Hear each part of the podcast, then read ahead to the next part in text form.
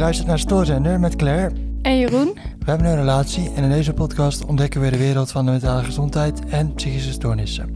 Leven met mentale stoornissen is nogal een zoektocht. Deze gaan we aan met verschillende gasten en we vechten voor meer openheid. Ja, we hebben geen eh, nieuwe vrienden van de show deze keer. En dat is eigenlijk nog wel een reden om te benoemen wat we aan onze vrienden hebben gehad. Want we hebben deze week een eh roadcaster kunnen kopen. Dat is een heel mooi mengpaneeltje. Die ik eigenlijk al heel lang wilde, al vanaf het begin dat we podcast maken. En die hebben we nu mede dankzij onze vrienden van de show kunnen betalen. Daar zijn we heel erg dankbaar voor. Dus dat even vanaf deze plek, dankjewel voor het doneren tot nu toe. Nu zouden we bijvoorbeeld graag koptelefoons eh, willen kopen om het mengpaneel ook echt te kunnen gebruiken. Eh, wil je daarmee helpen? Ga naar vriendvandeshow.nl slash stoorzender. Alwin Ritstier heeft al vanaf zijn negende last van angstklachten. Naast dat hij er op zijn populaire YouTube-kanaal vet gezellig aandacht aan besteedt, schreef hij er onlangs ook een boek over, Gek van mezelf. We nemen deze podcast op afstand op via een videoverbinding. We kletsen over angst en andere mentaal belangrijke dingen die ter tafel komen.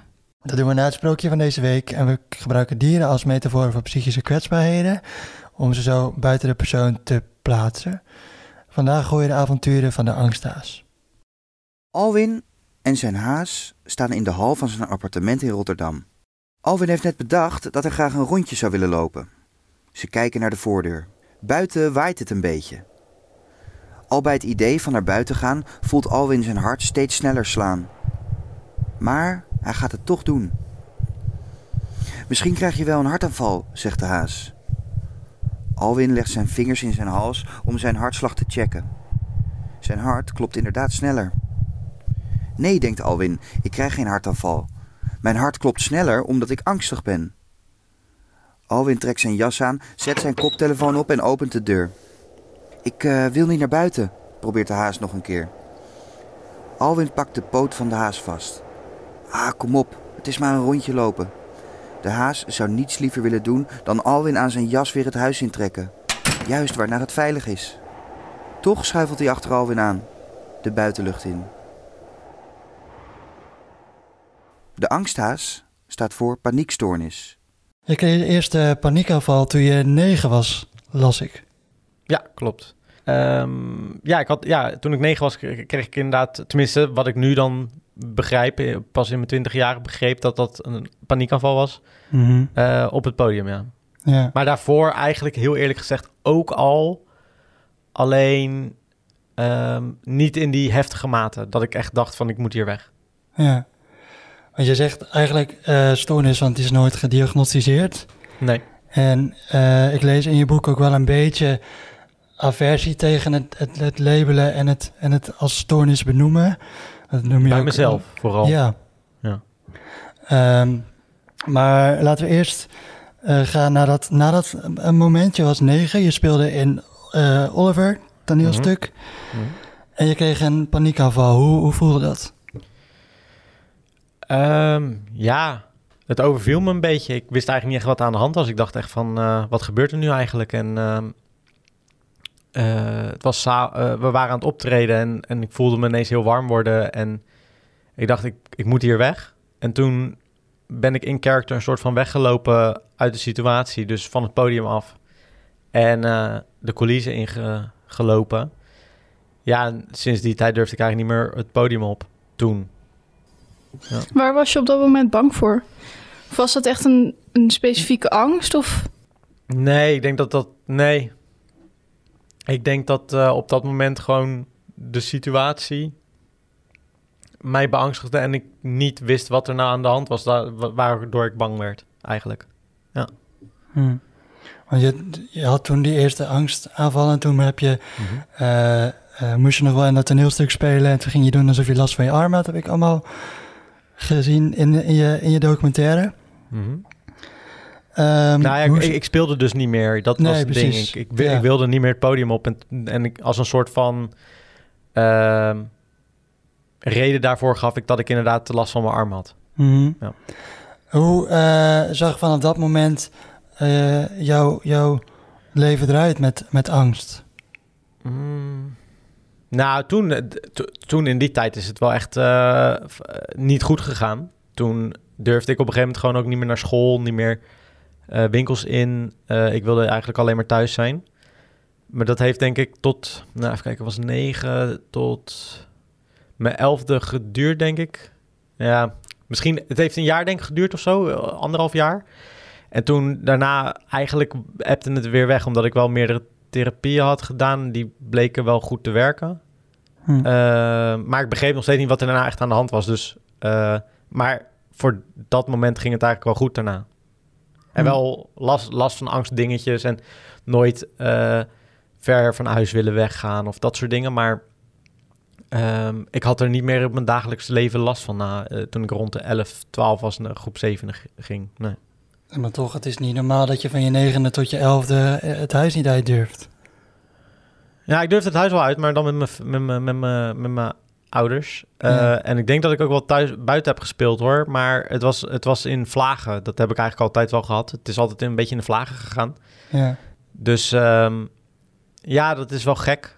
Um, maar ik moet wel heel eerlijk bekennen, ik ben wel altijd iemand geweest die heel erg op mezelf is. En ik ben wel graag thuis. Dus ik weet ook niet of dat per se erbij hoort dat ik het angstig vond. Maar ik vond het als kind sowieso buitenspelen wel leuk. Maar het hoefde voor mij niet elke dag of zo. Nee.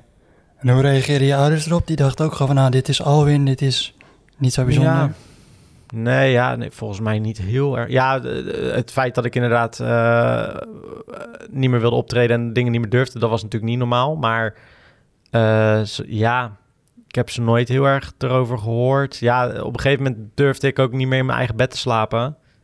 En sliep ik bij mijn ouders op, de, op een matje op de grond. Ja, dat was op een gegeven moment wel, denk ik, de druppel voor in ieder geval mijn vader. Die had zoiets van, ja, dat is wel heel erg heftig. Ja. Veel uh, inbreuk op zijn eigen privacy ook en zo.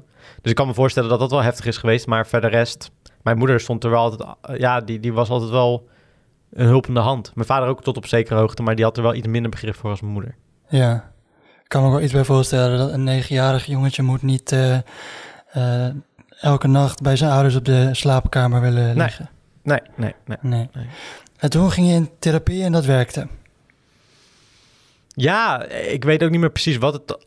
Ik, ik, um, ik weet niet meer hoe dat nou precies gewerkt heeft, maar ik heb meerdere dingetjes gedaan. En een daarvan, wat het beste werkte, was uh, uh, hypnotherapie uiteindelijk. Um, en wat daar nou precies gedaan werd, dat, dat, beschrijf ik ook in mijn boek. Dat weet ik ook niet echt. Ik heb hem toevallig ook uh, een, een, jaar geleden gebeld om te vragen wat deden we nou precies, omdat ik dat wilde weten voor het boek. Mm -hmm. um, maar dat hielp wel. Uh, ik ben ook bij psychologen geweest, maar dat vond ik niks. Uh, ik wilde wat praktischer in dat opzicht aan, aan de slag. Uh, denk ik als kind. Ik vond het andere een beetje... Aan, ze behandelden me echt als kind en dat wilde ik niet. Als in een beetje aanstellerig of zo, vond ik het. Dus daar ben ik één of twee sessies geweest en toen wilde ik dat al niet meer. Ja. En toen zijn we inderdaad op zoek gegaan. Toen zijn we naar hypnotherapie, zijn we daar uitgekomen, omdat via via eigenlijk. En dat werkt eigenlijk best wel goed. Ja. ja. Hoe luister jij naar? Um, ja, weet ik niet zo goed. Ik heb zelf niet echt ervaring met angst uh, per se, maar wel met dwang. Ook wel een beetje gebonden aan angst, zeg maar. Dus ik kan me wel een beetje voorstellen hoe dit is. Maar zo jong uh, kan ik me niet zo goed voorstellen hoe dat, hoe dat dan precies is. En hoe je daar dan mm-hmm. uitkomt, zeg maar. Ja. Want, ja, is voor uh, mij ook een beetje vaag geweest. Want je hebt, die man, je hebt die man weer gebeld van wat heb ja. je eigenlijk gedaan? Ja. En wat, wat zei hij? Um, nou ja, dat, dat, dat het vooral, uh, tenminste op, op mijn negende uh, had het veel te maken met dingen die ik al eerder had ervaren eigenlijk. Uh, en daar zijn we naar terug gaan kijken. Ja, bijvoorbeeld ik werd heel angstig van dat ik er op een gegeven moment achter kwam dat de dood een ding was in ons leven. Ik denk dat de, hond die overleed en toen had ik zoiets van, oh, dus dingen kunnen wegvallen in het leven. En toen besefte ik ook dat ouders konden overlijden, dus werd ik daar heel erg bang van. Mm, dus ik denk dat vooral de dood, uh, dat ik daar achter kwam dat dat wel echt een thema was, wat ik heel eng vond. En um, ik ook te weinig uh, zelfvertrouwen ook wel had. Dus daar hebben we aan gewerkt en dat, dat werkte op een gegeven moment wel. En hoe dat precies, ja, door dingen terug te halen om te... Uh, want je gaat dan liggen en dan ga je terug naar situaties en dan kijken hoe je je erbij voelt en... En dat, mm-hmm. dat hielp wel. Op welke manier snapte, snap ik zelf nu ook nog steeds niet echt helemaal, maar het werkte wel. En uh, daarnaast ook nog um, oefeningen waardoor je niet heel erg bezig bent met de toekomst of het verleden, maar meer in het nu bent. En ik noemde dat, dat was gewoon darten wat we deden. En ik dacht altijd van, oh, we gaan gewoon leuk darten. Want ik was, ja, ik was Ja. tien, dus dan denk je daar niet echt over na. Maar blijkbaar zei hij van, dan ben je zo erg in het moment wat jij vooral niet vaak bent. Dat werkte altijd het beste, omdat je dan, dan is er geen angst. En op, de, op een of andere manier was dat een ding wat ook gewoon goed hielp. En ik denk dat het ook, ehm, hoe noem je dat? Ehm, kon, eh, goed geconditioneerd in je hoofd op een gegeven moment dan wordt van oké, bepaald soort dingen kan je jezelf mee afleiden en dan ehm, Ja. dat, dat werkt dan in je hoofd dat op het moment dat je daar misschien aan denkt, het al minder wordt. Mhm. En eh, ik denk dat dat onbewust toen gedaan is. Toen snapte ik daar eigenlijk geen reet van hoor, moet ik heel eerlijk zeggen. Maar Ja. eh, ja, nu als ik daar terug aan denk, denk ik oké, dat zijn wel technieken die mij la op latere leeftijd ook geholpen hebben uiteindelijk weer. ja, dus je ziet wel een patroon. Ja. Wel grappig, want ik zat ook tijdens het lezen van je boek na te denken van... eh, ik was als kind ook altijd heel bang voor de dood. En voor de Mhm. dood van anderen. Mhm. Ehm, maar dan denk ik, ja, dat heeft volgens mij toch elk kind. Elk kind is daar dan toch bang voor. Hoe- Ehm, wat is daar normaal in eigenlijk? Ja, ik, eh, ik, vraag me af hoor of el- elk kind daarover nadenkt. Ik, denk Ik heb dat volgens mij niet zo gehad, maar ik heb ook nooit een huisdier gehad wat ooit overleden is of zo. Dus Nee, precies. Dus ik denk dat dat ook wel scheelt sowieso. ja, Ehm, Ja. En ik denk dat de ene kind is gewoon denkt daar helemaal niet over na. En de andere kind is weer wat meer met het überhaupt met het nadenken. Weet je wel, ik ben over het algemeen denk ik over heel veel dingen altijd wel na. Mhm. Dus ik denk dat het ook een beetje een persoonlijkheidstrek misschien is. Ja, Eh, en dan krijg je een bepaald soort thema wat je dan of fascinerend vindt of juist eng vindt of zo. Dat, waar je dan heel veel over na gaat denken. ja. Kan voor iemand anders natuurlijk op een heel ander niveau weer eh, gebeuren of zo. ja, precies. Maar de dood van je, van je hond, dat las in het boek gewoon bijna weg als een trauma. ja. Misschien zie je dat ook wel zo. Ja. En dat, dat, dat trok je eigenlijk naadloos eh, door tot aan, tot aan de dood van je, van je moeder. Ja. Weer met, met dood als thema. Ja. Hoe kijk je nu eigenlijk tegen de dood aan? Eh, nog steeds niet als grootste fan van de dood, maar eh, ook weer wel ergens. Als in, ik vind het wel fascinerend, want ik hou dus heel erg van eh, dood en verderf in films. En ik hou van documentaires over seriemoordenaars en dat soort dingen. Dus het gaat eigenlijk allemaal, het is een, ergens een fascinatie, maar ik vind het ergens nog steeds heel eng. Wacht, horen jullie heel hard de kat ook? Eh, Nee. niet? Vind ik wel leuk wat soundeffects in de achtergrond. Is dat oké? Nee, oké, dan, dan, dan laat ik hem lekker doormouwen, anders zou ik hem even... Maar ehm, nee, dus ik denk dat... Ja, eh, ik denk dat, dat het een grote fascinatie is, maar ook een, groot, een grote angst. En ik denk dat het altijd wel... Als je naar mijn werk kijkt, bijvoorbeeld eh, mijn kunstwerken en zo... zit ook wel veel dood en zo in. Ergens ook Mhm. wel lijkt het heel vrolijk. Zitten er ook wel veel eh, skeletten en eh, botten en weet ik veel wat doorheen verwerkt. Dat is toch iets wat ik gewoon fascinerend vind op een of andere manier. Ja. ja. ja, dat herken ik wel. Want ik heb ooit vanuit mijn dwang een angst gehad voor ambulances. Omdat ik dan bang was dat, degene, dat ik dan degene was die dat veroorzaakt had. Zeg maar voor degene Oké. die erin lag of zo. Zoiets. Maar nu heb ik juist echt een enorme fascinatie met ambulances. En word ik echt helemaal blij als ik er een zie. En dat soort dingen. Oh, ik weet blij? niet. Ja. echt blij. Oké, ja, ja. Ik vind het heel fascinerend of zo. ja, je zou Maar de dat- uren eens moeten tellen dat hier Ambulance UK of eh, Helikopter ER of dat soort programma's op staan. Oh, Dat is echt joh? Niet, Ja, want echt niet normaal. ik ben daar echt doodsbang voor eigenlijk. Als in, als ik een, eh, een ambulance zie, dan denk ik... Dan ben ik gelijk aan het nadenken van... Kut, dadelijk gebeurt het mij of zo. Dat ik ineens... Dat er een Ja. ambulance voor mij moet ge, Nou ja, ik had het dus ook dat ik daar eerst echt super bang voor was. En ik wilde Ja. ze niet zien, ik wilde ze niet horen. Ik wilde er niet bij in de buurt komen. Maar Ja, ja. op een gegeven moment is dat soort van omgeslaan of zo. Hm. Ja, wel sick. Ja, dat is Ja. bizar hoe dat in je hersens werken. Iets wat je eerst heel erg eng vindt... kan je op een gegeven moment wel heel, heel fascinerend misschien vinden. Of, Ja, maar ik denk ook dat het ligt aan een soort bepaalde hyperfixatie of zo die je er dan op hebt. En die dan, waar dan, ik weet niet, hele heftige emoties bij komen. En dan, Ja, eerst was het dan enorme angst. En nu- is het dan een soort Mhm. enorme fascinatie of zo. Ja. Ja, Heel dat was- gek. ja, bizar. Ja, ik heb, dat, ik heb dat dus altijd wel echt gehad met de dood in, in dat opzicht. En het is ook wel een thema wat, waar ik nooit me- mijn vingers aan heb durven branden op een of andere manier. Terwijl ik toch in mijn sommige werk toch wel een beetje naar voren komt. Want ja, een documentaire over je moeder maken eh, die overlijdt, dan gaat het in principe ook over het thema overlijden. Maar dat ging ook wel meer over moeder. Maar als ik dan bijvoorbeeld naar mijn tekenwerk kijk, dan... eh, en, en, de, en de mensen die ik heel fascinerend vind, die kunstwerken maken is allemaal heeft dat thema dood toch wel heel erg hoog staan. En ik dacht altijd vroeger dat dat, eh, ja, ik weet niet, vond ik gewoon cool, punt. Maar ik denk toch dat het wel meer eh, mee te maken heeft dat ik het gewoon fascinerend vind. En daarom het ook in mijn, bijvoorbeeld mijn eigen tekeningen zoveel ook veel terugkomt. Mhm. Ja. Hoe is het nu met je angsten? Ja, nu gaat het wel goed. Uh, ik, heb, uh, ik heb momenten dat het uh, wel aanwezig is. Ik heb momenten dat het eigenlijk niet echt een rol speelt. Het is Nee. in ieder geval niet zo heftig als dat je in het boek leest. Nee. Want ik zag ook nog, want eh, je hebt een lijstje met angsten die je eh, ergens in het boek noemt. En nou, zoals ik al zei, de dood komt steeds terug en ook ziektes. Ehm, hoe zit dat dan met corona in deze tijd voor, voor jou? Nou, als je het boek hebt gelezen, dan weet je dat. nee, grapje. Eh, ik, ik, nee, ja, ik heb er niet zo eh, moeite mee eigenlijk. Ik, eh, ik was in 2013 of 2003 heel erg bang voor SARS. Was ik ook al een stuk jonger. Wat natuurlijk ook een soort van hetzelfde soort virus is. Ehm, nee, ja, ik denk dat ik als ik niet angstig ben, dan ben ik best wel nuchter. En dan kijk ik naar dingen best wel nuchter. En dan denk ik, ja, de kans dat ik er echt... Ja, kijk, ik kan er stevig ziek van worden, maar de kans dat ik eraan overlijd, dat zal wel echt heel klein zijn. Ehm, dus dan ben ik er eigenlijk niet zo bang voor. die Ehm, twee dingen staan, echt loos, gaan, staan, staan heel erg haaks op elkaar. Dat is heel... Wat nuchterheid. Ja, Ja, maar ja, dat, als je, je bent niet jezelf als je angstig bent, vind ik zelf. Als in, je bent een andere versie. Je bent ehm, prikkelbaarder, eh, gevoeliger en dat soort dingen. Maar als ik dat niet heb, ben ik een stuk, ben ik meer een Rotterdammer in dat opzicht. En dan denk ik, ja, kom maar goed, denk.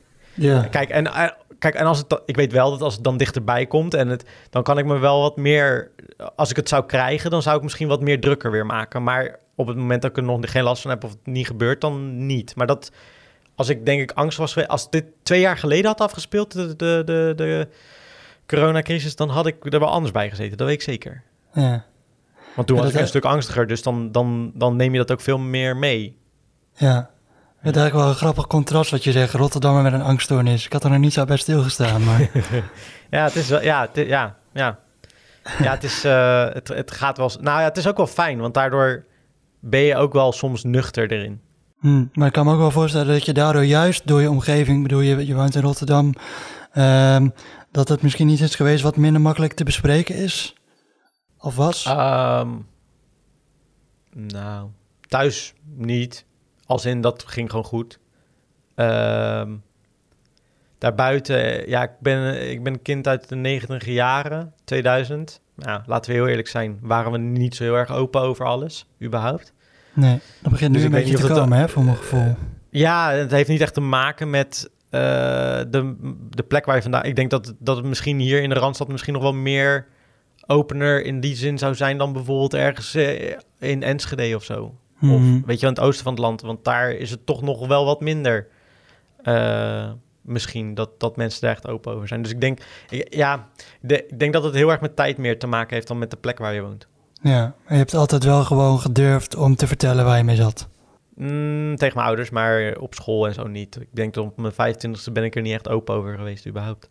En wanneer dacht je dan van nu ga ik er open over zijn en nu ga ik er ook op YouTube over vertellen en er video's over maken?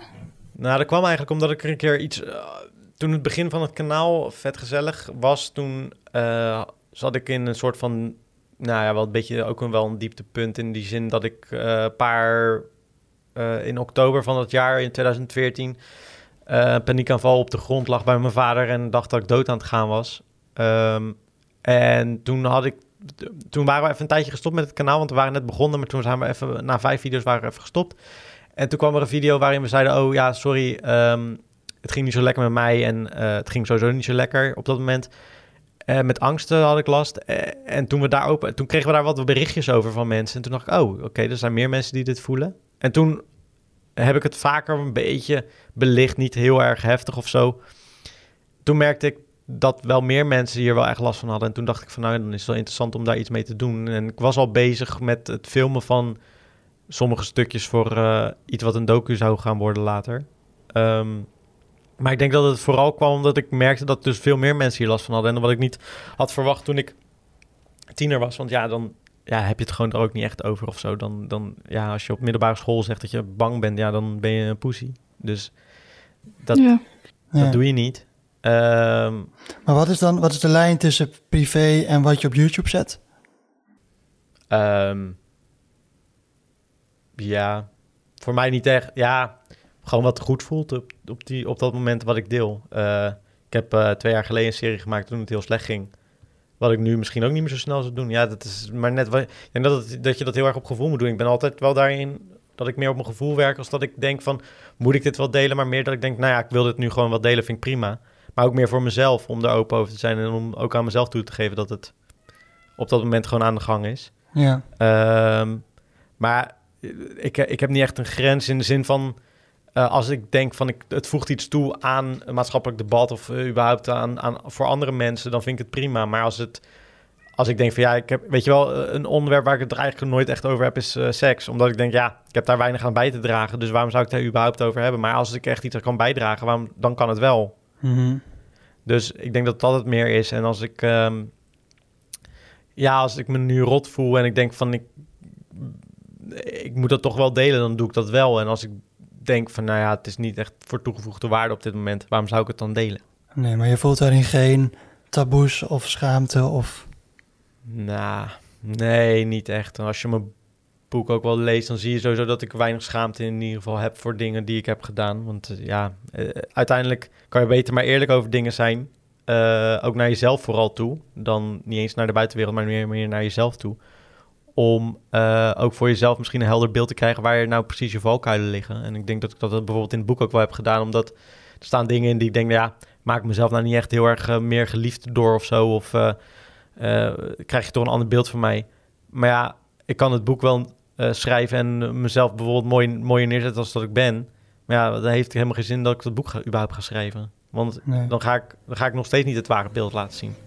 Hm. Ondertussen is de bovenbuurvrouw begonnen met stofzuigen. Dat hoor je misschien als je de podcast... eh, Ik hoor helemaal niks. eh. Nee, maar dat, dat luisteraar gaat het, eh, gaat het vast horen. Ehm, ik ben even, ik ben even eruit. Ehm,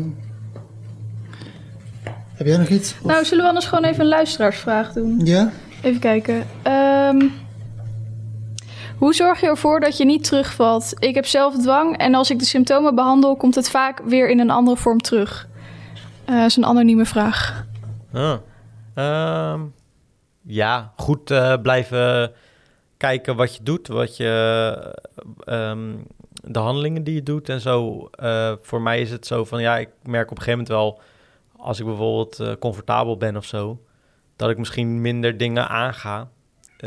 En daar ben ik wel bewust van. Dus ik denk dat je gewoon heel eerlijk naar jezelf moet kijken van, oké, doe ik iets bijvoorbeeld dan in dat geval uit dwang of omdat ik dat wil of zo, weet je wel. Dat is bij mij ook van, ga ik, ga ik naar iemand toe omdat ik, of ga ik naar iemand niet toe of naar een feestje niet toe omdat eh, ik het eng vind of omdat ik gewoon echt geen zin in heb.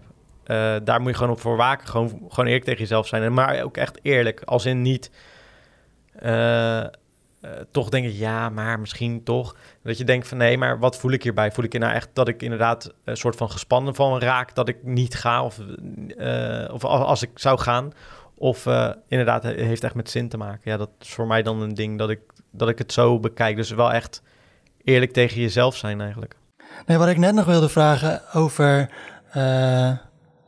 over, over YouTube. Als je nu je, je video's terugkijkt, je kan nu letterlijk gewoon terugkijken op je, op je ergste eh, periode uit je angststoornis. Eh, hoe, hoe is dat?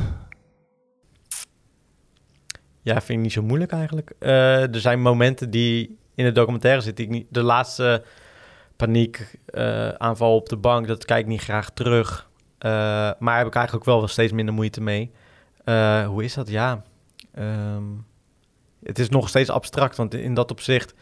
eh, ik was laatst op tv bijvoorbeeld en toen eh, was ik heel gespannen. En toen heb ik teruggekeken toen dacht ik... oh, ik zie echt helemaal nul spanning bij mezelf eigenlijk. Terwijl ik het intern heel erg voelde. En dat is hetzelfde als ik dingen terugkijk, denk ik, ja, ja, ik weet wel ongeveer wat het gevoel is geweest en ik weet wel hoe dat kan voelen, maar als je het dan terugkijkt, dat, dat, dan krijg je toch nog steeds niet dezelfde, hetzelfde gevoel als wat het was. Ja, een, een rode lijn in je boek is ook de, de relatie met je, met je toenmalige vriendin, met Saske. Mhm. Ehm, ik vond ook wel in die documentaire dat je heel goed ook wel ziet. eh, ik, ik, keek dan als naaste, als naaste daarna en ik denk, joh, het, vra- het vraagt ook wel echt veel van, van haar. eh, als, je, als je vriend last heeft van een, van een angststoornis. Hoe kijk jij daarop terug? Ehm, Ja.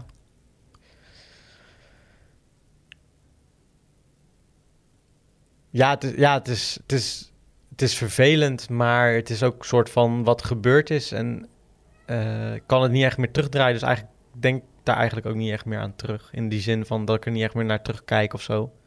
Eh, want ik denk, ja, dingen zijn geweest. eh, we hebben ook met elkaar besproken dat het vervelend is geweest. En ja, dingen. Je kan beter eigenlijk gewoon naar het nu kijken dan naar de, het verleden in dat opzicht. Want dan, als je naar het verleden gaat kijken, ja, dan heb je wel eens dingen fout gedaan of zo. Ja. Maar heb je daar überhaupt nu nog wat aan, weet je wel? Je hebt er eigenlijk helemaal niks aan om daar überhaupt nog bij stil te staan. Je kan alleen maar bedenken van hoe ga ik dat nu anders doen. Mhm. Ehm, en natuurlijk heb ik ook met haar over gehad dat het vervelend is dat we allebei met onze problemen zaten. En als dan de ene, weet je wel, de ene keer had ik heel erg last van iets en de andere keer had zij heel erg last van iets. En dan, wij, wij hebben nooit een soort van nulpunt met elkaar eh, gehad, waarin het gewoon relaxed was of leuk of gezellig. We hebben natuurlijk wel hele gezellige momenten gehad, maar er was altijd wel iets met een van ons. Dus dat is dan wel jammer om naar terug, om, om dat soort van nog terug te zien of zo. Aan de andere kant, wat ik ook zeg, ja, het heeft ook helemaal geen zin om daar naar terug te kijken, want je kan maar beter kijken hoe het nu gaat. Het verleden kan ik toch niet meer veranderen, alleen maar wat er nu afspeelt en wat de toekomst misschien gaat zijn. Mhm.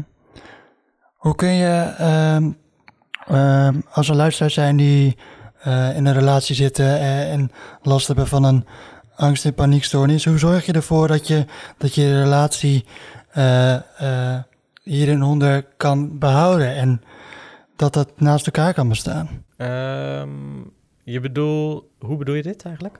Nou, dat je eh, eh, als naaste ook wel goed.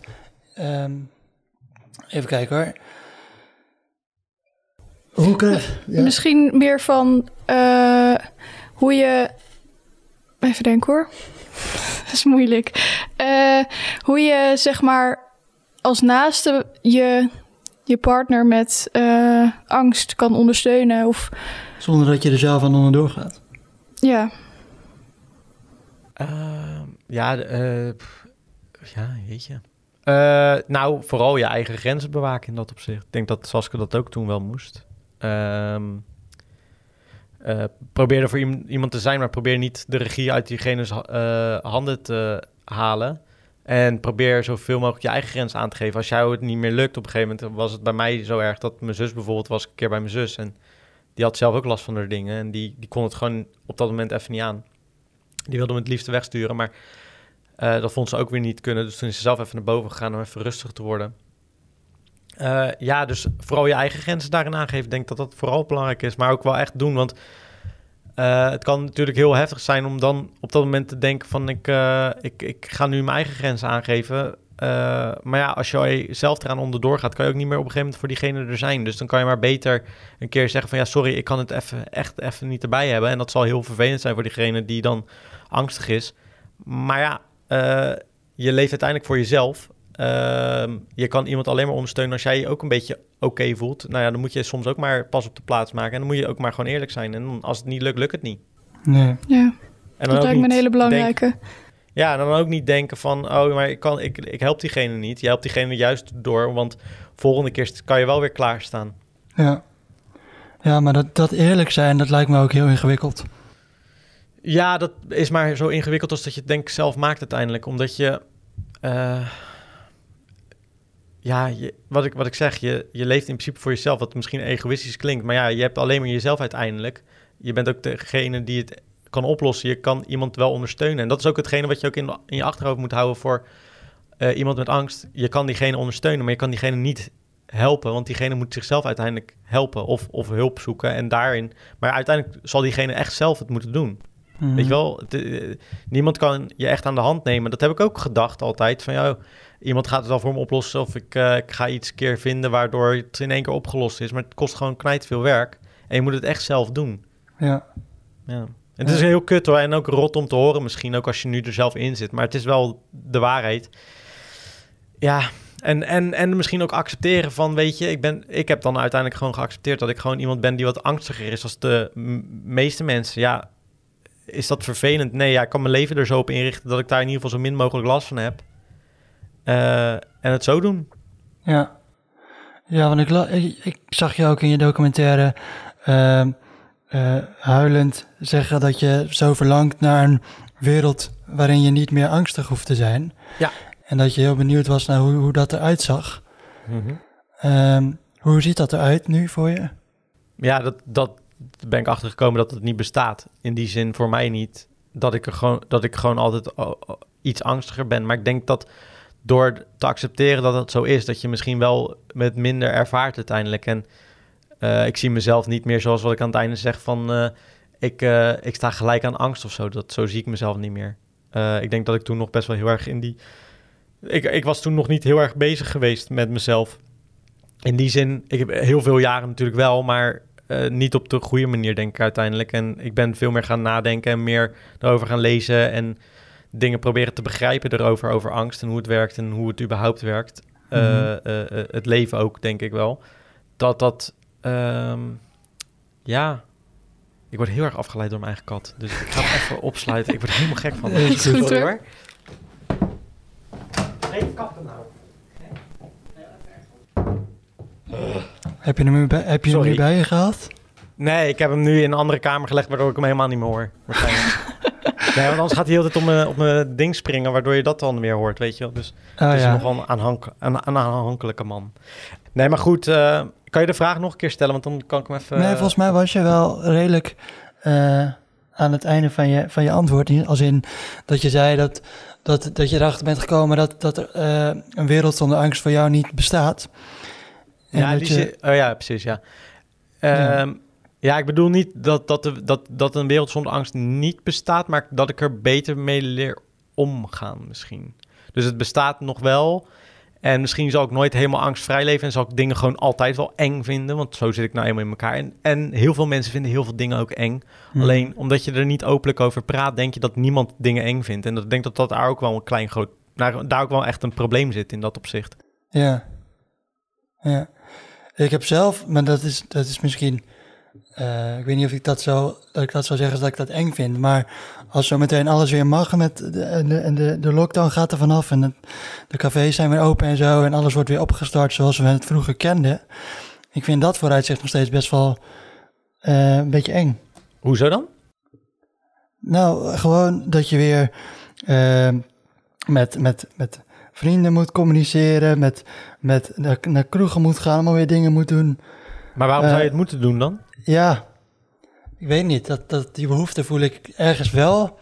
Maar ik vind het ergens ook nu zo fijn, de, de wereld die de af- afgelopen anderhalf jaar eh, met zich mee heeft gebracht. Nou Ja, ja, dus het is je- ook gewoon dat je het niet meer gewend bent of Ja. zo. Dus Ja, dat lijkt... Maar is het leven misschien niet gewoon wat, mak wat overzichtelijker geworden dan dat je altijd overal maar heen moest en altijd allemaal maar dingen moest doen en zo? Ja, Omdat anderen dat ook deden. ja, Ja, ja ik zou, ja, zonde. Kijk, ik denk dat uiteindelijk eh, je moet kijken naar hoe jij je leven het liefst wil indelen. En als anderen, ja, je hoeft niet te leven, het, het leven te leven van andere mensen, toch uiteindelijk. Dus als jij Nee. denkt van ja, ik vind het heerlijk om gewoon lekker thuis te zitten en een filmpje te kijken. En dat, daar ben ik gewoon blij mee. En Mhm. eh, ik ga één keer in de week misschien naar de kroeg of één keer per maand.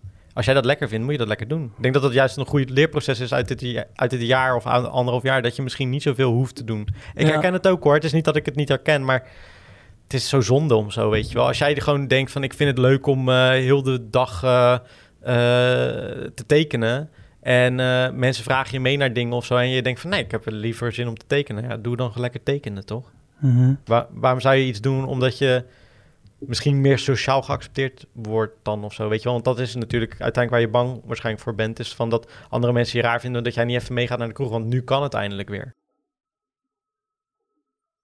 Zometeen verder met het gesprek met Alwin na een korte boodschap van onze partner. Ja, Claire, we hebben al eh, weet ik veel hoe lang een eh sponsordeal met Hana. Ja. Nu wordt dat een stukje interessanter, toch? ja, denk ik wel. Want er is een winactie. Eh, ja, wat kun je winnen? Je kan een slaapmasker winnen. De slaapmaskers zijn geheel vernieuwd. Eh, ze zijn zachter om, eh, om je hoofd te kunnen doen. De band is met name verbeterd. En de druk is nog beter verdeeld, waardoor het niet op je ogen drukt. En eigenlijk een heel fijne verzwaring is. Normaal gesproken betaal je echt wel wat voor die, voor die slaapmaskers, want dat, dat zijn ze ook wel waard. Maar nu kun je ze dus gratis, kun je er gratis eentje winnen. Hoe doe je dat? Eh, deel deze aflevering in je stories op Instagram. En tag ons dan ook even, het Stories in de podcast. En natuurlijk Hana Dekens, Hana Dekens. Ja. Ehm, dan wordt er willekeurig gelood. En misschien wil jij wel een slaapmasker. Ja, dus eh, doe dat via Instagram. Sorry eh, dat het via Instagram is, maar ik zou zeggen, dit is een, een speciale reden om Instagram aan te maken. Wil je iets anders bestellen bij Hana? Ga dan naar hanacomedy.nl en gebruik bij het afrekenen de kortingscode STOORZENDER en krijg 15% korting. Nu weer terug naar de aflevering. Kijk je op tegen de, tegen de release van je boek? Eh, nee, nou ja, in die zin van ehm, alles moest af. Eh, dat wel. En nog steeds niet alles is af, want een paar video's die had ik, kon ik nog niet helemaal afmaken, omdat het anders veel te veel druk op mijn schouders lag. Ja, je hebt video's gemaakt bij, ter illustratie eigenlijk van je, van je boek. Ja, precies. Dan kan je met QR-codes kan je die scannen en dan zie je eh, filmpjes. Alleen zijn er vier nog niet afgekomen. En eh, eh, die moet ik nog afmaken. Dus dat was meer de, meer de druk. En ik, wel, ik vond het wel leuk dat die uitkwam. Ik was blij dat na 2,5 jaar eindelijk die uitkwam. Jammer alleen is dat je hem niet echt kon presenteren. Eh, maar nee, ik was niet echt gespannen ervoor of zo. Want het is toch een beetje ver van je bedshow. Want mensen krijgen het in hun huis. Eh, ze hebben niet echt een, een, een, een comment sectie of zo... waar ze kunnen gaan praten erover of zo. Het is best wel afstandelijk in die zin. Je krijgt wel privéberichtjes, maar die waren eigenlijk alleen maar goed. Ja, Ehm, dus nee, ja, nee, ik was daar niet heel gespannen voor. Ik vond het wel heel leuk. het is eigenlijk een andere wereld dan die je gewend bent inderdaad, zonder comment-sectie. Ja, klopt. En ehm, nou, nou moet ik wel zeggen dat dat met, met podcast ook wel een beetje zo is. Ik, je krijgt niet zoveel responses als op YouTube. Op YouTube heb je veel meer respons en op Instagram en zo. Mhm. Ehm, ik vind dat wel lekker of zo ergens. Want dan je zendt uit en je krijgt weinig respons. Ja, gewoon alleen maar zenden. Het is, ook wel, het is wel leuk hoor om zo'n respons te krijgen, zeker weten. En dat, dat, dat waardeer ik ook heel erg onder mijn video's. Maar het is soms ook wel lekker om even iets niet te horen. En dat is bij de podcast bijvoorbeeld. Ik heb twee podcasts die ik maak. En dan is het wel lekker dat je daar gewoon ook even niks hoort. Dat je er gewoon denkt van... ah, ah, mensen gaan vaak alleen maar iets sturen... of als ze iets niet heel leuk vinden... of als ze het juist wel leuk vinden. En voor de rest, eh, die andere eh, noise en zo... dat hoor je eigenlijk allemaal niet. Dus dat vind ik Nee. ook wel lekker.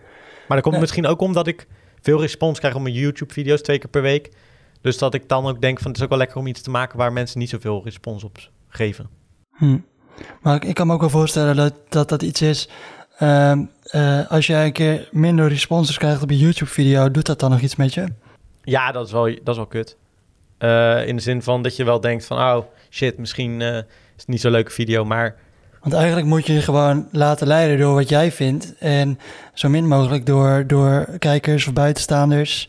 ja, aan de ene kant wel als je als ik kunstwerk of zoiets zou maken, maar YouTube-video maak je ook voor je publiek uiteindelijk. Dus er zijn sommige, kijk, ik maak eetvideo's en die maak ik expres voor mensen. Dus die vind ik zelf leuk om te maken. Maar ik maak wel iets dat ik denk van... oké, mensen vinden het wel leuk om naar te kijken. Want anders heeft het niet zoveel zin dat ik dat doe. Eh, omdat ik dat meer gebruik om mensen eh, te lokken... om ook andere soort dingen te kunnen bespreken.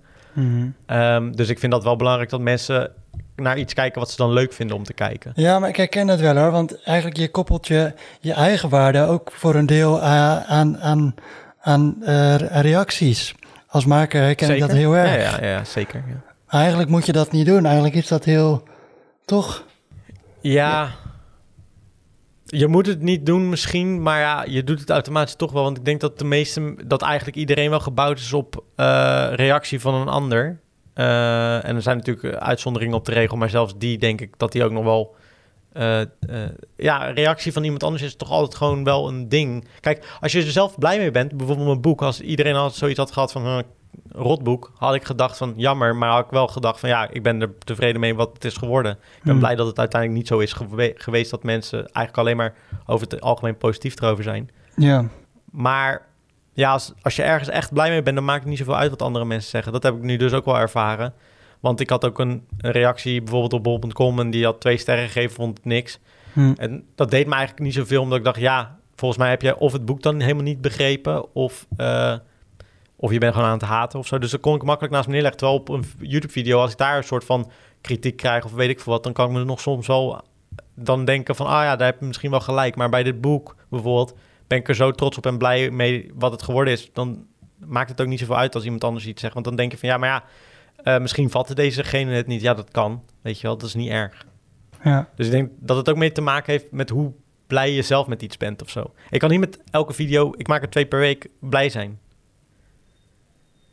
Heb ik ook naast me neergelegd, want vroeger moest een video voor mij altijd een soort van eh, inhoudelijk zijn en moest er altijd een soort van interessante shots in zitten en zo. Nu maak ik ook video's waarin ik eten proef en denk van ja, op zich, filmtechnisch is dat echt niet wat ik ambieer, maar eh, mensen vinden het leuk om te kijken. Is een best bekeken video eh, per maand. Dus ja, waarom zou ik daar moeilijk doen als mensen nou precies dit willen zien? Precies. Ehm, over responses gesproken. Wij zijn altijd heel blij als luisteraars vragen instellen, vragen insturen. Ehm, dat hebben ze gedaan via Instagram. En eh, dat hebben we al een vraag van eh, behandeld. Annalyn die zei, ehm, het lijkt altijd alsof je met allemaal projecten tegelijk bezig bent. Hoe behoud je het overzicht? Ehm, van, van, hoe bedoel je, van alles wat ik doe of zo? Of Ja. Nou, dat vind ik ook wel moeilijk. Ehm, ik heb nu YouTube-kanaal, een blog ook nog, eh, twee Instagram-accounts, nou eigenlijk vijf Instagram-accounts, maar niet met alles doe ik wat. Ehm, ja, het is wel moeilijk hoor, moet ik zeggen. Het is eh, wel veel of zo. En het overzicht houden, ja, ik zou op een gegeven moment misschien wel het beste eraan doen om iemand erbij te hebben of zo, maar dat financieel kan, ja, kan dat nog niet echt. Dus ehm, het is moeilijk en, en het is jammer, want je kan niet aan alles de volle aandacht geven. Dus ehm, waardoor bijvoorbeeld mijn schilderijen nu een soort van stilstaan. Ehm, maar ja, dan denk ik ook weer van ja, misschien over een jaar dat ik daar weer meer focus op leg of zo. Ja, dat is op zich ook niet zo erg. Maar mijn main ding blijft altijd YouTube. Dus daar, dat is wel het ding waar ik het meeste focus op heb eigenlijk. In dat opzicht. En ook wat, waar het meest uitkomt of zo qua eh, financiën. Ja. Ja, en eh, je boek is afgerond. Dat is dan weer een eh, dingetje Nieuwe wat je minder erbij. buiten. Ja, precies. Ja. minder. Ja, als ik het zo kijk, dan is het echt wel veel hoor. En eh, ik moet ook, vandaag had ik echt een dag dat ik dacht van, ik weet nou echt niet wat ik moet gaan doen.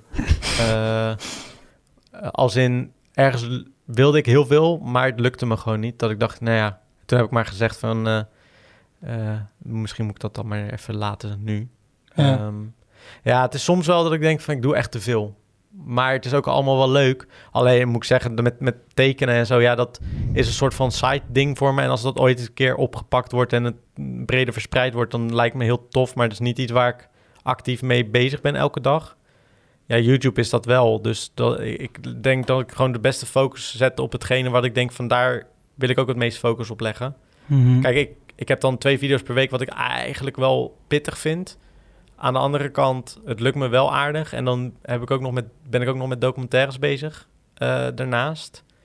En ik moet ook rondkomen, want van YouTube kan je niet altijd even goed rondkomen. Nee. Eh het lukt wel steeds beter, gelukkig. Maar, ehm, en dan wil ik ook weer eh, iets opzetten om misschien die documentaires te kunnen financieren. En ja, er zijn gewoon heel veel plannen. ja. Maar je moet ook wel bij jezelf bedenken soms van ja, weet je, je hoeft niet alles in één keer uit te voeren. Ik ben nu, eh, ik word nu volgende week 31. Eh, ik heb nog eh, heel veel jaar, dus ik hoef niet alles nu, ik hoef niet alles nu af te maken of zo. Het hoeft niet nee, allemaal precies. Ja. Ja. Kan Jeroen een voorbeeld aan nemen? ja, ik heb zoveel dingen tegelijk lopen. Dat word je echt... Oh, ik krijg het. Ja, nee, maar eh, ik zeg het nu al heel leuk en eh, Ja. zo, maar eh daarnet was ik ook even dat ik even dacht van god, hoe ga ik het eigenlijk allemaal doen? Dus ik herken het wel hoor. Het is ook niet. eh, ik kan het nu mooi zeggen. Weet je wat, je kan het altijd mooi zeggen voor een ander toch? En je kan altijd denken van ja, het is heel mooi, maar voor jezelf. ben ik ook heel goed. je- Ja, maar dan, kun je, dan kijk ik ook naar mezelf en denk ja, Jezus, Ja. eh, maak je niet zo druk, kom wel goed. Eh, Ja. Maar ja. Ja, je had het Ja. al even over documentaires. Nou, ik geloof dat, dat al onze luisteraars onze, of de, de documentaire over autisme wel eh, gezien hebben inmiddels. Die is heel goed bekeken. Hè? Hoe, kijk je, hoe kijk je daarop terug? Eh, ja, hij is zeker goed bekeken. Hij is nu 350.000 keer bekeken. Het is gewoon een NPO 3-programma. Ja, ja, dat is echt sick. Dat had ik ook niet echt verwacht. Eh, dat is wel grappig, want we waren ermee bezig sinds maart. Nee, maart. sinds augustus. En eh, we hadden eerst die interviews gedraaid met die meiden die erin zaten. Eh, niet mijn vriendin, maar die andere twee meiden. Mhm.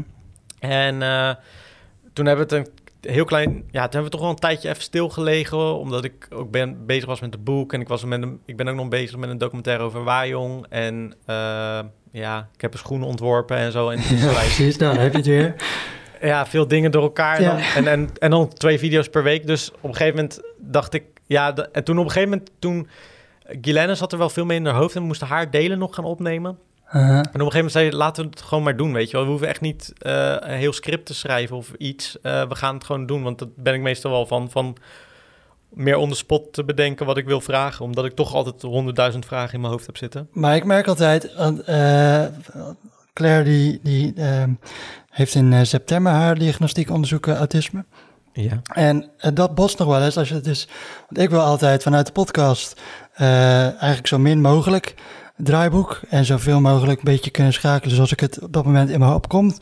Hmm. En Claire die vindt het juist fijn om een script te hebben, Ja. Eh, want dat is, dat is het waarschijnlijk dan het autisme. Gewoon vaste regels, vaste stramien.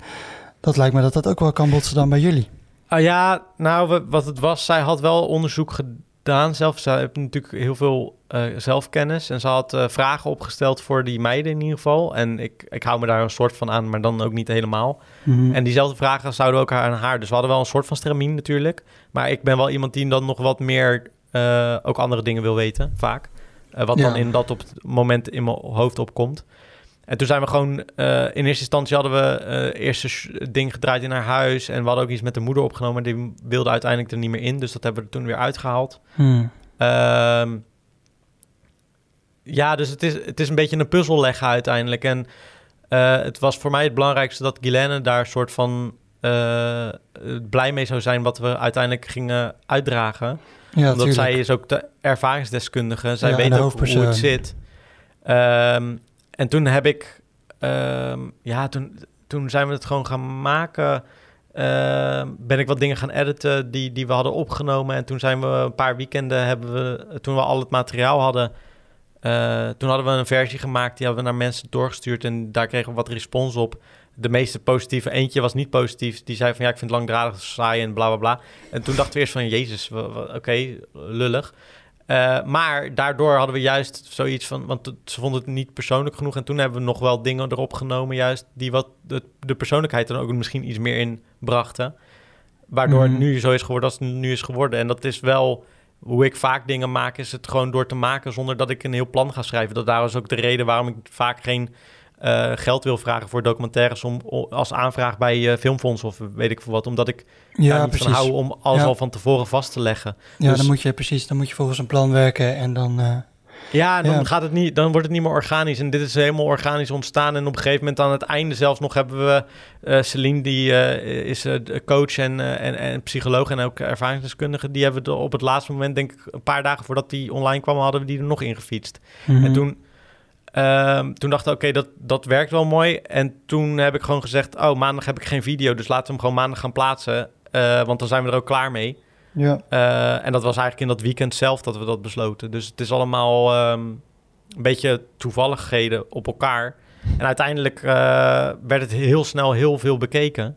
En ja. werd het overal ook opgepikt. Maar dat komt denk ik ook omdat het, omdat het onderwerp Wereld gewoon... ja, precies. Autisme, autisme week heb je net gehad. Wereld Autisme Dag. Ja, maar dat is niet eens, dat, daar kwam nog niet eens de grootste push toen hoor. Want dat, dat is daarvoor eigenlijk al geweest. Toen was, dat was een maand voordat de Wereldautisme Dag überhaupt was. Daar hebben we hem online gezet. En eigenlijk al gelijk werden al, al die kanalen werd die opgedeeld eh over autisme. En ook heel veel in de GGZ is die gedeeld op LinkedIn hebben mensen hem gezet. Dus het is eh, organisch best wel veel gegroeid. En uiteindelijk dan nu afgelopen week nog op de NOS een, eh, een artikel aangeweid. Waardoor die heel veel bekeken werd ook.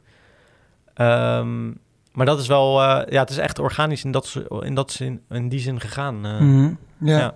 Hoe ligt want ehm, hoe is het om, want ik, wij hebben zelf af en toe wel dat we tegen een paar dingetjes aanlopen in onze relatie, maar ik ben ook wel benieuwd hoe dat bij jullie zit. Waar zijn er ehm, dingen in de relatie waar jullie eh tegenaan lopen als in dat Gislaine misschien eh, wat rechtlijniger is, wat dingen vaker gepland wil hebben en jij, jij niet? Nee, Hoe zit dat?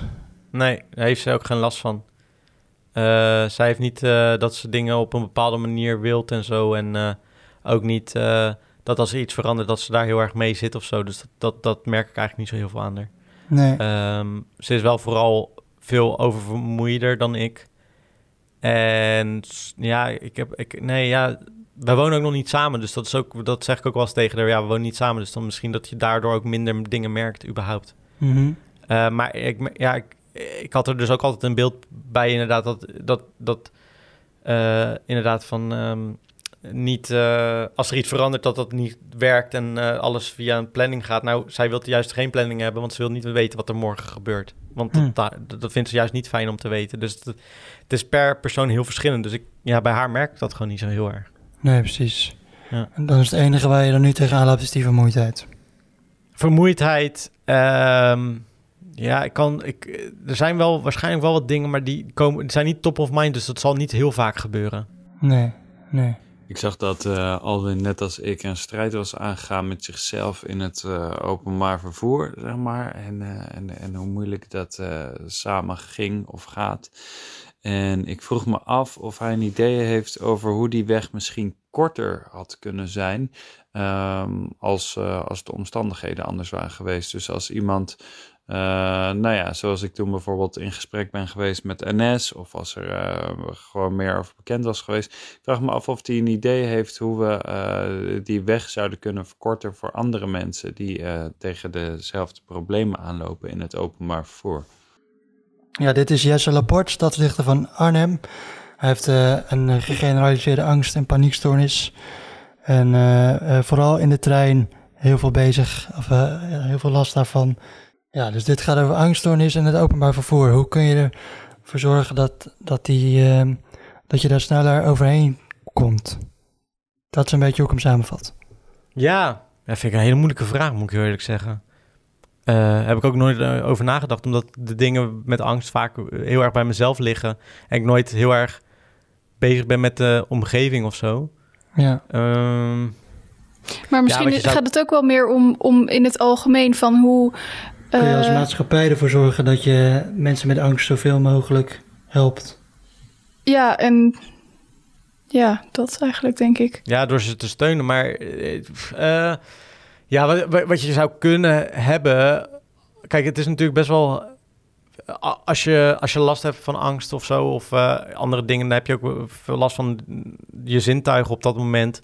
Dus het is best wel, alles komt best wel heftig binnen en zo. En ik had dan wel nooit cancelling de headphone en zo. Maar uh, bijvoorbeeld wat rustigere plekken zou wel beter zijn. Maar dat is heel moeilijk in het OV te realiseren. Omdat, uh, of het is heel druk. Kijk, met corona is het nu al wat rustiger. Maar normaal is het best wel druk. Wat, mm -hmm. je, wat je zelf wel kan doen, is misschien niet in een spits reizen bijvoorbeeld. Dat deed ik dan uh, daarbuiten. Maar wat ze, wat ze zelf eraan kunnen doen, vind ik best wel lastig. Omdat het, je, ik vind... Um, persoonlijk, en dat, hoe kunnen mensen het mee oneens zijn, maar persoonlijk niet heel nodig om de maatschappij aan alle mensen aan te passen of zo. Dat is gewoon niet te doen. Dus wat je zelf kan doen, kan je doen. En dat mensen misschien wat meer begrip. Kijk, ik denk dat dus de openheid erover, net zoals met deze podcast en met video's en weet ik veel wat op tv en zo, dat dat al kan, bijdragen waardoor mensen denken: oké, okay, dus, dus er is een probleem. Dat is misschien wel Mhm. goed om te weten. Maar ik denk dat de mensen die dus op dat moment angst ervaren, gaan niet te koop lopen als ze binnen in een trein zitten of zo. Dat het niet goed met ze gaat. En het is dus ja, het is. Ik vind het zou heel het, zou het helpen als, als je alleen met de trein gaat en, en iemand naast je die schiet je gewoon even aan voor een praatje? Of heb je daar helemaal geen Nou, dat zou bij, bij mij niet. per- Dat is ook weer per persoon verschillend. Dat zou bij mij niet echt helpen, want het zit heel erg intern. Eh, ik denk wel dat misschien bijvoorbeeld wat, wat, zou kunnen als je in een trein zit en je bent echt overprikkeld of je hebt inderdaad, eh, je bent angstig of zo, dat je de kans krijgt als je naar de conducteur loopt dat ze zegt van hey, ik ben even, dit gaat even helemaal niet zo lekker, Eh, ik heb even een rustig plekje nodig, kan ik toevallig even in de eerste klas gaan zitten? Is dat oké? Weet je wel, dat daar misschien wat meer begrip voor is. Dat zou wel kunnen, als ik er zo over nadenk. Maar verder dan dat kan je eigenlijk niet echt gaan. Want het is, we leven in een druk land, dus het, het is overal druk. En, en ik denk dat de meeste mensen toch wel meer last hebben van de drukte op het moment dat ze angstig zijn. Hmm. Ehm, en, en dat dat zou kunnen helpen. Dus misschien inderdaad dat dat misschien zou kunnen adviseren aan de NS van... hey, eh, als er iemand naar je toe komt die inderdaad echt last heeft... en je ziet het ook aan iemand dat je diegene ook op een rustige plek kan eh, begeleiden... dat het gewoon goed is. Maar ja, goed, eh, je hebt dadelijk een trein... er zitten twintig mensen met ang- die angstklachten. Ja, dat- hoe ga je dat doen? Weet je, dat is bijna niet te doen. Nee. Ik denk dat het... ja, Ik denk Ja. in ieder geval meer begrip, dat is goed. Ik denk dat dat al, maar echt in, de, in het OV wordt dat wel echt lastig, denk ik. Maar wat je ook al zegt van het begint bij jezelf, dat is misschien ook wel, het is meer, jij Ja. zegt dat het is meer iets voor jezelf dan voor anderen. Het is meer iets wat je zelf moet oplossen, waar je zelf de, de handvatten voor ik- moet ik snap- krijgen. ja, dat, dat ben ik met je. Dat is ook zo. Dat, dat is ook wel waar ik in geloof. Maar uiteindelijk, weet je, je, je, je, je bent nooit. Je begint niet op het punt dat je er al zelf gelijk mee aan de slag bent. Dat, dat, dat kan niet. En je wilt niet je leven stopzetten. Dus en je, en je moet soms ook wel eens dingen doen die je eigenlijk niet wil. Dus het is misschien wel fijn als mensen er misschien allemaal wat open over zijn. Dat zij ook daar last van hebben en zo. dus Zodat er, er meer begrip is. En dat inderdaad, als je een keer een conducteur aanvliegt die zegt van. eh, ik, eh, ik, ik, trek het even niet, mag ik even in de eerste klas gaan zitten? Dat die conducteur zegt van, is goed, ga maar even rustig daar zitten. En weet je wel, dat je een beetje op je gerust gesteld wordt, dat dat Mhm. kan. Dat zou mooi zijn, denk ik. Maar het is, een paar, ja, weet je wel, in, in de metro in Rotterdam, ja, het is bijna niet te realiseren om iets te doen. Nee. De, Nee. de- ja, het zou mooi zijn, maar het, het is gewoon, ja, bijna niet te doen, denk ik. nee. Ben je helemaal van je angst af? eh, als in, denk je dat het nog weer erger terug gaat komen? Of hoe zie je dat voor je? Mm. Nou ja, ik denk dat het kan. Het, het, het, het is een mogelijkheid dat het weer terug kan komen. Al denk ik wel dat ik er nu zo bewust van ben dat ik er wel op een bepaalde manier probeer mee om te gaan dat, het, dat die kans gewoon niet zo groot meer wordt. Dus het kan wel. Ehm, ehm, en het, het gaat altijd in golfbewegingen. Dus de ene keer gaat het goed en de andere keer gaat het weer slecht. En dat heb ik altijd wel een beetje gehad. En als het wat, wat heftiger wordt, dan weet ik nu beter wat ik kan doen. En weet ik ook beter waar het vandaan komt dan Hm, ooit. Wat kun je dan op zo'n moment doen? Wat helpt jou? Nou, in ieder geval eh, vriendelijk tegen jezelf zijn. Eh, misschien wat meer rust nemen. Ehm, kijken, eh, de dingen die je gaat doen, moet je ze echt allemaal doen? Of eh, kan je sommige dingen ook schrappen? Ehm, eh, ja, goed op voeding soms ook letten. Want ja, dat heeft ook wel veel... weet je wel, als je niet fit bent of zo... Of, Mhm. dan, dan, dan heeft angst ook wel veel meer de ruimte. Dus als je niet genoeg beweegt, de hele dagen binnen zit en zo, dat, dat werkt ook eigenlijk een beetje averechts in die zin. Dus ja, gewoon, gewoon bewust met Goed voor jezelf. jezelf zorgen. Ja, goed voor jezelf zorgen, maar ook bewust zijn met wat er allemaal aan, aan de gang is in je lichaam en in je geest en zo. Kijken wat, wat is er vorige week gebeurd. In de zin van, eh, heb ik inderdaad veel stress gehad? Is het dan niet raar, of is het dan logisch dat ik bijvoorbeeld nu hoofdpijn heb en dan ook niet jezelf judgen of zo? Als Ja. je nu even een dagje dat even niet lukt of zo. Mhm. En dat is moeilijk als je trouwens een 9 tot 5 baan hebt hoor. Want ik kan makkelijk lullen, want ik, heb, ik werk voor mezelf. Dus op dat moment als het echt niet gaat, ja, dan leg ik het gewoon neer. Ga ik het vanavond doen. Maar ja, als Mhm. jij gewoon van je baas naar kantoor moet, is het toch echt een andere koek. Dus daar kan ik ook heel, daar kan ik zelf ook moeilijk inschatten hoe dat kan. Maar probeer dan in ieder geval in de vrije uurtjes die je hebt, even plek, plaats voor jezelf te maken. Eh, misschien eh, even wat rust, een goede wandeling. Ga in ieder geval niet stilzitten. Ik denk dat dat niet verstandig is.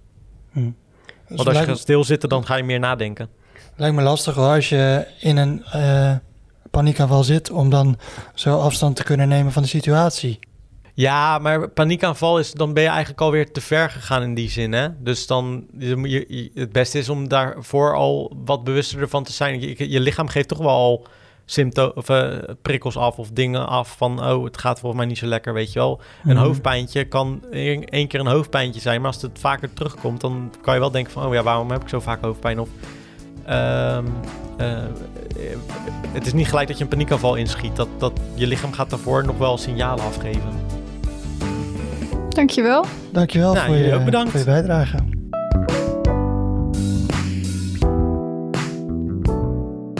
Dankjewel voor het luisteren. De muziek in deze podcast is van Oliver Alexander. Het sprookje is ingesproken door Julius van het Hek. Redactie Brecht Makko en Tessa van Rooyen. Abonneer je op de nieuwsbrief via stoorzenderpodcast.nl. Fan van de podcast? Word dan vriend van de show via vriendvandeshow.nl slash stoorzender. Je kunt ons vinden op sociale media. We zijn @stoorzenderpodcast op Instagram en Facebook. En op Twitter heten we @stoorzenderp. We nemen even een korte pauze om op adem te komen. De volgende aflevering is over vier weken en dan vind je ons weer in je favoriete podcast app. Tot dan.